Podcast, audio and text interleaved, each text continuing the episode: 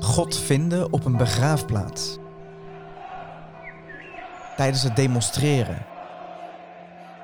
Of aan de keukentafel met kinderen. Hoe werkt dat? Ik ben Menno en ik ben benieuwd waar mensen God ontmoeten.